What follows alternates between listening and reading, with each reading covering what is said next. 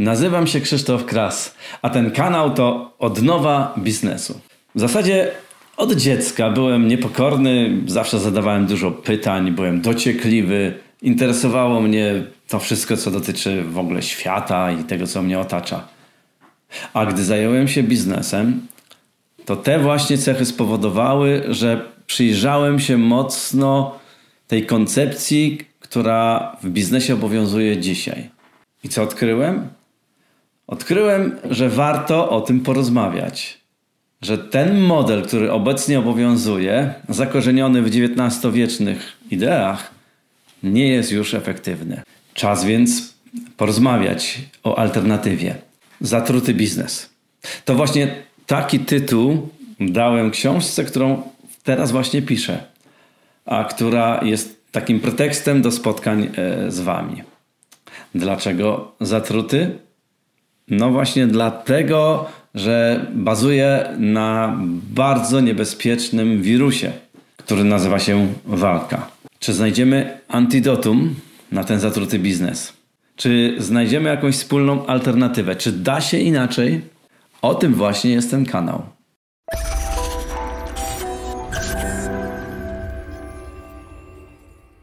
Książka Zatruty Biznes, którą e, piszę, mówi o mojej diagnozie tej sytuacji. I dzisiaj właśnie się tym zajmiemy. Jaka jest moja diagnoza biznesu mniej więcej od lat 90.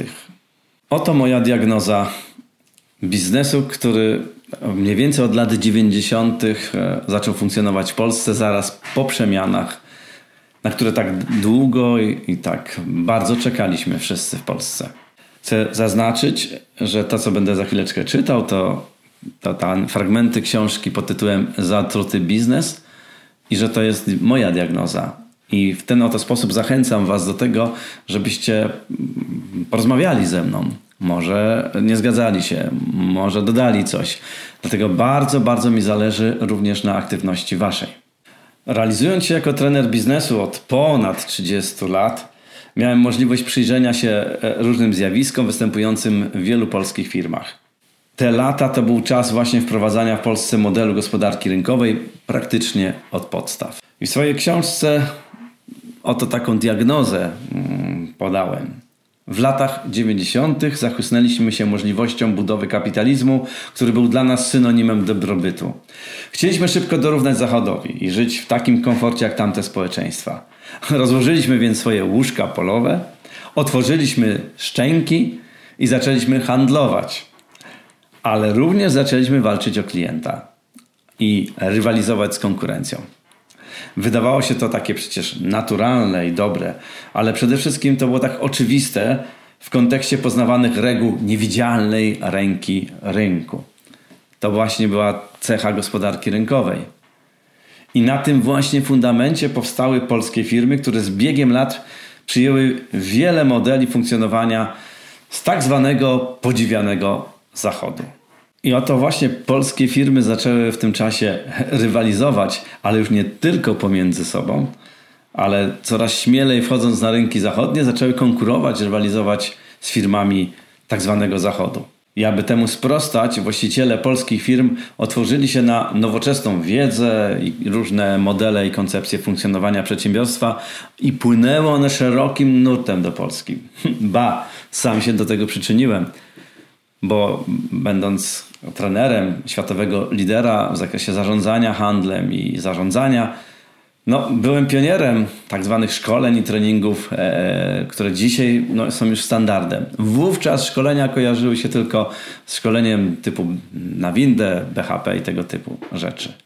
No i właśnie ta wiedza i te nowoczesne metody zarządzania bardzo mnie zafascynowały. Wszystko było takie, e, takie świeże, takie nowoczesne, ciekawe, a co najważniejsze, skuteczne. I ta nowa wiedza dawała przewagę konkurencyjną e, właśnie w walce o klienta. Ale jeżeli przyjrzeć się obecnym polskim firmom, to po ponad 30 latach, e, jakie minęły od początku polskiej transformacji, budowania kapitalizmu, gospodarki rynkowej, dzisiaj mogę zaryzykować takie stwierdzenie, że niewiele one się różnią już od tych firm zagranicznych, a nawet w niektórych aspektach je przewyższają. Polscy właściciele firm, menedżerowie często z większą pasją, z większym zaangażowaniem, e, z większą determinacją wdrażają różne ciekawe strategie i modele funkcjonowania firmy. I mogę zaryzykować dzisiaj taką tezę, że pod tym względem dogoniliśmy już Zachód. I można zaryzykować taką tezę, że odnieśliśmy sukces. Ale mam takie wrażenie, że teraz płacimy cenę za ten sukces. Tą ceną jest coś, co ja nazywam toksyczność sukcesu. Bo słowo toksyczny to oznacza trujący, wywołany przez toksyny, wywierający negatywny, destrukcyjny wpływ na czyjąś psychikę. Dlaczego ten sukces można nazwać toksyczny? Dlatego, że w taki sposób trochę enigmatyczny, niewidoczny, wraz z tą całą nowoczesną wiedzą przeniknęły do nas te idee walki, rywalizacji, konkurencji. I pytanie jest, co z tego wyniknęło dla nas? Czy czasami ten wirus nie spowodował, że teraz mamy już podobne kłopoty jak te firmy gdzieś tam na zachodzie? Ten podstępny wirus walki, tak w sposób niewidoczny, taki trochę zawalowany, tak trochę po cichu przeniknął do naszych firm. I czasami ten wirus ma takie łagodniejsze oblicze. Walka przeobraża się w rywalizację. A jeszcze łagodniejsza wersja e, brzmi konkurencja. I tutaj chciałbym od razu zaznaczyć, że to nie jest tak, że ja jestem przeciwny konkurencji i że nie wiem o tym, że gospodarka rynkowa jest właśnie oparta na konkurencji. Tak. Rzecz jest tylko w tym, w jaki sposób ta konkurencja się odbywa. I jest różnica między walką a konkurencją. I tu bardzo bardzo mi pasuje w zasadzie taki model sportu, który Baron de Coubertin przedstawił jako, jako ideę olimpijską, że na dobrą sprawę konkurencja między zawodnikami służy tylko do jednego celu, mianowicie po to, żeby mieć punkt odniesienia, jak ja jeszcze się muszę poprawić. Który, czyli konkurent jest po to, żeby pomagał mi w podnoszeniu cały czas swojej poprzeczki, w podnoszeniu swoich umiejętności. I dlatego jest ogromne poszanowanie dla konkurenta. I, dlatego jest to wielka radość uczestniczyć w zawodach, właśnie w konkurencjach różnego rodzaju, ale nie walczyć ze sobą. To są dwie różne rzeczy. Co nie zmienia faktu, że dzisiejszy komercyjny sport dzisiejsze oblicze sportu niestety również weszło w tą ideę walki tej niekoniecznie czystej, związanej z dopingiem, związanej z e, no, tym, co widzimy na co dzień. Ale ta czysta idea sportu bardzo mi odpowiada. I też ta czysta idea konkurencji w biznesie bardzo mi odpowiada. Więc chodzi o to, żebyśmy e, rzeczywiście podnosili sobie poprzeczkę, żeby nasze firmy stawały się coraz lepsze, żebyśmy szukali coraz lepszych rozwiązań. I właśnie firma konkurencyjna E, może nam w tym pomóc. Ważne jest tylko, abyśmy nie walczyli w sposób taki właśnie niegodny, nieczysty. Abyśmy nie traktowali tej firmy jak wroga. I to jest to coś, co dla mnie przynajmniej osobiście jest istotne. To, o czym przed chwileczką powiedziałem, to, to oznacza, że bardzo często mm, my po prostu przyjmujemy tą, e, tą walkę jako coś, coś oczywistego i niezbędnego. Jaki to ma wymiar w praktyce? Ano taki, że ta walka jest często jedynym i głównym napędem firmy, ale też podświadomą motywacją. Bo myślimy, że żeby wygrać, zwyciężyć, zniszczyć wroga, trzeba stosować różne metody. I często bardzo są one odległe od prawdy i uczciwości. Reklama, zauważcie, już przestała być dość do dawno takim nośnikiem rzetelnych informacji, takiej uczciwej zachęty. Zauważyliście to? A zauważyliście, że marketing ustąpił już miejsca PR-owi, ale głównym celem tego PR-u zaczyna być koloryzowanie, wyolbrzymianie, wręcz mówiąc językiem młodzieżowym, ściemnianie. Czyli wytwarzanie takiej iluzji e, z wykorzystaniem na przykład światła wirtualnego, i ta iluzja daleka jest od prawdy. I to moim zdaniem jest bardzo, bardzo groźne. Ale ten wirus warki nie dotyczy również tego, co na zewnątrz. Coraz częściej obserwuję w firmach walkę wewnątrz firmy. Czy zauważyliście, jak często dział produkcyjny walczy z działem handlowym? Jak e, działy mm, e, administracyjne walczą z działami e, na przykład informatycznymi. Czyli tak, tak zwane podziały. Są te podziały poziome, jeszcze podziały pionowe. No i to jest właśnie coś, co często w wielu firmach jest jeszcze podsycane. Działy HR, oczywiście nie wszystkie, ale znam takie, które pod płaszczykiem szczytnych haseł tworzą takie wyrafinowane systemy konkurencji i walki wewnętrznej. Jak one, na czym one są oparte? Ano na przykład na targetach tak, sprzedażnych. Tworzy się pewne targety sprzedażne, e, mobilizuje się handlowców do, do, do właśnie takiej rywalizacji pomiędzy sobą, kto zrobi lepszy wynik.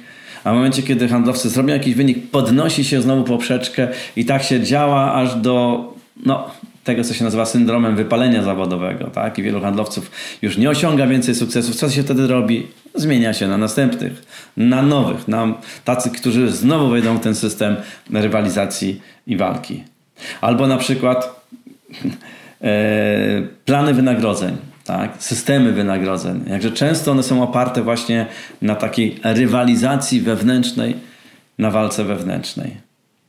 Zauważyliście te zjawiska? Oczywiście nie są one we wszystkich firmach, ale zauważyłem, że już w bardzo, bardzo wielu firmach staje się to po prostu normą. I czasami spotykając się z presami, właścicielami firm, takich szczerych, swobodnych rozmowach e, zadaję im to pytanie, czy są świadomi te, tych zjawisk. A jeśli tak, to dlaczego to robią? I co ja często słyszę? No właśnie, często słyszę, no Krzysiek, jestem świadomy tego wszystkiego, no ale nie mam wyboru, takie są reguły gry.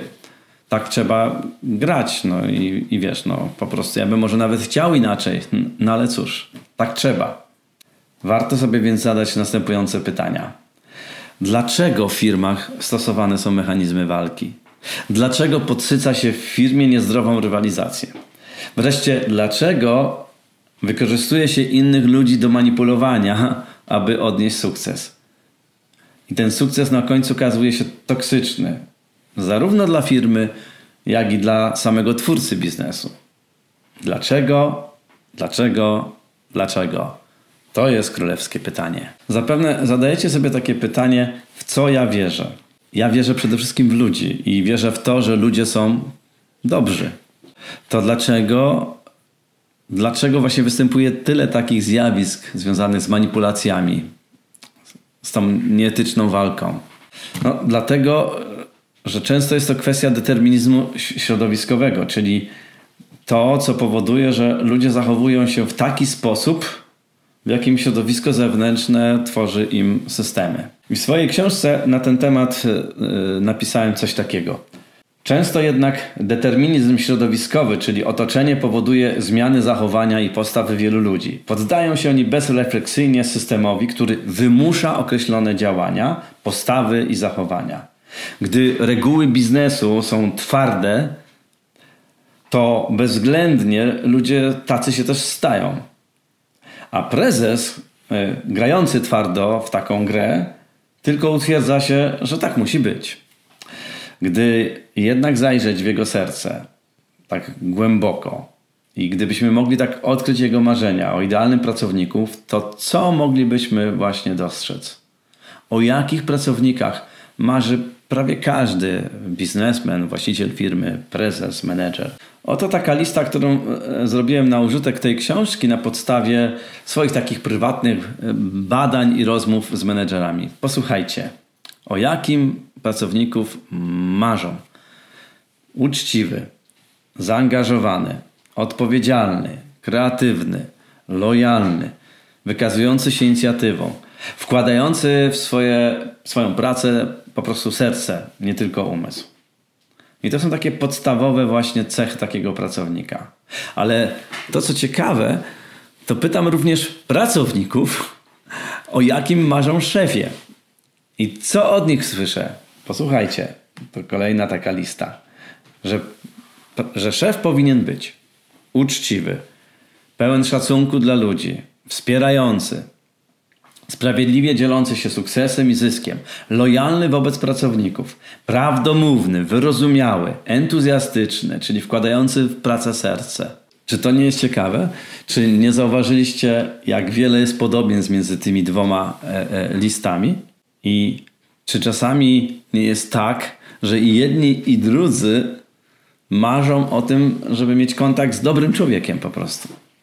No ale jeśli tak, to dlaczego w codziennej pracy e, bardzo często nie ufamy sobie, bardzo często manipulujemy sobą?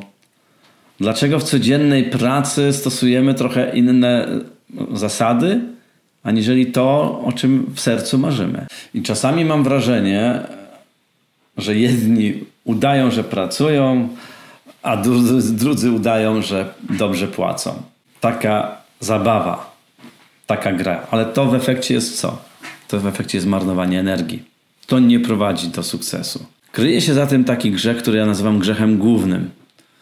O tym grzechu już mówiłem troszeczkę w poprzednim odcinku, ale teraz to rozszerzę. Tym grzechem głównym jest brak zaufania. I gdy robimy sesję grupowego diagnozowania problemu w ramach tego projektu Zdrowa Firma, to najczęściej naprawdę wierzcie mi, najczęściej, najwięcej punktów w rankingu tych wszystkich problemów uzyskuje właśnie ten element brak zaufania. Tak, ale konsekwencją tego grzechu głównego są następne problemy, bardzo często występujące w firmach. Są to takie problemy jak słaby przepływ informacji i zła komunikacja międzyludzka, brak wystarczającego zaangażowania, słaba organizacja pracy, nieodpowiedni system motywacyjny, unikanie odpowiedzialności, brak inicjatywy. I to są te problemy, które bardzo często występują prawie że we wszystkich firmach. A gdy prezentujemy taki raport i kadra zarządzająca tego najwyższego szczebla widzi te problemy, to często słyszę taką pokusę w ich słowach, aby, no to co, trzeba zwiększyć kontrolę, mocniej chwycić ludzi, e, albo stosować bardziej twarde zarządzanie. No bo przecież nie może tak być, a przecież ludzie pracują na pół gwizdka, trzeba ich zmotywować, zaangażować, a najlepiej chwycić twardo. I to jest taka pierwsza pokusa, tak zwane przykręcić jeszcze mocniej śrubę ludziom. Ale czy naprawdę jest sens jakiś w takim działaniu? Czy naprawdę to pomaga?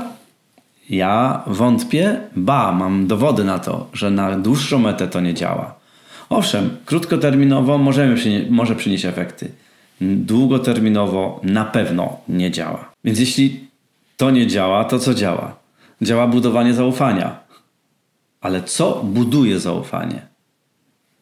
Takie podstawowe elementy, które ja zauważyłem, to po pierwsze, zgodność czynów ze słowami. Najpierw są słowa, potem są czyny, które albo potwierdzają te słowa, albo nie. Po drugie, rzetelność ocen. I ludzie tego bardzo, bardzo oczekują. Chcą mieć pewność, że niezależnie od tego, co się wydarzy, y, znaczy pracownik może liczyć na sprawiedliwą, w sensie rzetelną ocenę. Wreszcie poczucie bycia członkiem dobrego zespołu, czyli praca zespołowa. Następny element to jest kultura uczenia się poprzez popełnianie e, błędów. Przecież nie ten jest głupi, kto popełnia błąd. Głupi jest ten, kto popełnia dwa razy ten sam błąd. Więc żeby nie popełnić drugi raz tego samego błędu, ważne jest, żeby firmie od, od razu wyciągało się wnioski z popełnionych błędów. I tego należy się nauczyć. I to właśnie jest ta kultura uczenia się poprzez błędy. Wreszcie następny element to serdeczna pochwała i empatyczna krytyka. Jesteśmy otoczeni e, negatywnymi informacjami, jesteśmy otoczeni krytyką. Więc pochwała i empatyczna krytyka, czyli taka, która, która naprawdę zachęca do tego, żeby zrozumieć, co się źle zrobiło i chcieć się poprawić, to są narzędzia, które budują zaufanie. I to jest właśnie dobry czas, e, żebym przeszedł do stałego elementu e, naszych spotkań, mianowicie promuję zawsze ciekawe książki. W poprzednim odcinku mówiłem o trzech różnych książkach. O jednej bardzo dużo e, już opowiedziałem, mianowicie Pracować inaczej, czyli e, koncepcja turkusowych organizacji. I wspomniałem również, że w Polsce jest jedna osoba, która się bardzo mocno tym zagadnieniem zajęła. i to jest autor tej książki, czyli Doktryna Jakości, Rzecz o turkusowej samoorganizacji. Autorem tej książki jest Andrzej Jacek Blikle, profesor, który jak widzicie ujął e, w takim dość grubym tomie e, bardzo wiele praktycznych narzędzi związanych z turkusową organizacją. To, co mnie urzekło w tej książce, to to, że ona się składa z takich w zasadzie dwóch części. Część pierwsza to taka część, która pokazuje w jaki sposób e, można tworzyć turkusową organizację, uwaga, w Polsce, też na przykładzie polskich firm. Natomiast w drugiej części jest bardzo dużo narzędzi, bardzo konkretnych, e, które są już e, wypraktykowane. I to jest to coś, co polecam e, e, wszystkim i to jest ta moja idea poszukiwania właśnie e, alternatywy dla zatrutego biznesu, czyli coś, co ja nazywam biznes z poziomu serca. Turkusowe organizacje i koncepcja turkusowych organizacji bardzo fajnie się wpisuje w te moje idee. No i teraz parę słów jak zwykle o, o tej książce. Same rozdziały bardzo są ciekawe. Tak? We wprowadzeniu możecie poczytać o społecznych uwarunkowaniach pracy, wreszcie o turkusowej rewolucji. W części e, takiej pierwszej jest budowanie relacji. Cały rozdział dotyczący budowania relacji, to o czym przed chwileczką mówiłem, o empatycznym słuchaniu, o otwartej komunikacji Wreszcie e, następny rozdział budowanie motywacji. W jaki sposób budować motywację, ale bez właśnie manipulacji, bez tych elementów, które, o których mówiłem wcześniej. Potem całe, cały rozdział droga do jakości, e, czyli e, w jaki sposób budować tutaj sukces firmy w oparciu o, o jakość. I wreszcie taki bardzo ciekawy, e, e, bardzo ciekawy rozdział. Zrozumieć głos procesu losowego. No i to tutaj już troszeczkę wchodzimy bardzo mocno w ten turkus o procesach losowych, o, o, o tym, żeby odkrywać ukryte zaburzenia. Wreszcie cała, cały szósty rozdział to są narzędzia procesowe, i w jaki sposób te różne procesy e, organizować w oparciu o, o, o zasady turkusowe. I na końcu ostatni rozdział zarządzanie przepływem e, informacji, mm, wykorzystanie zbiorowej wiedzy, e, firma 2.0 i, i problemy komunikacyjne, ale też i wykorzystanie platform komunikacyjnych. Bardzo ciekawa książka, którą bardzo serdecznie polecam.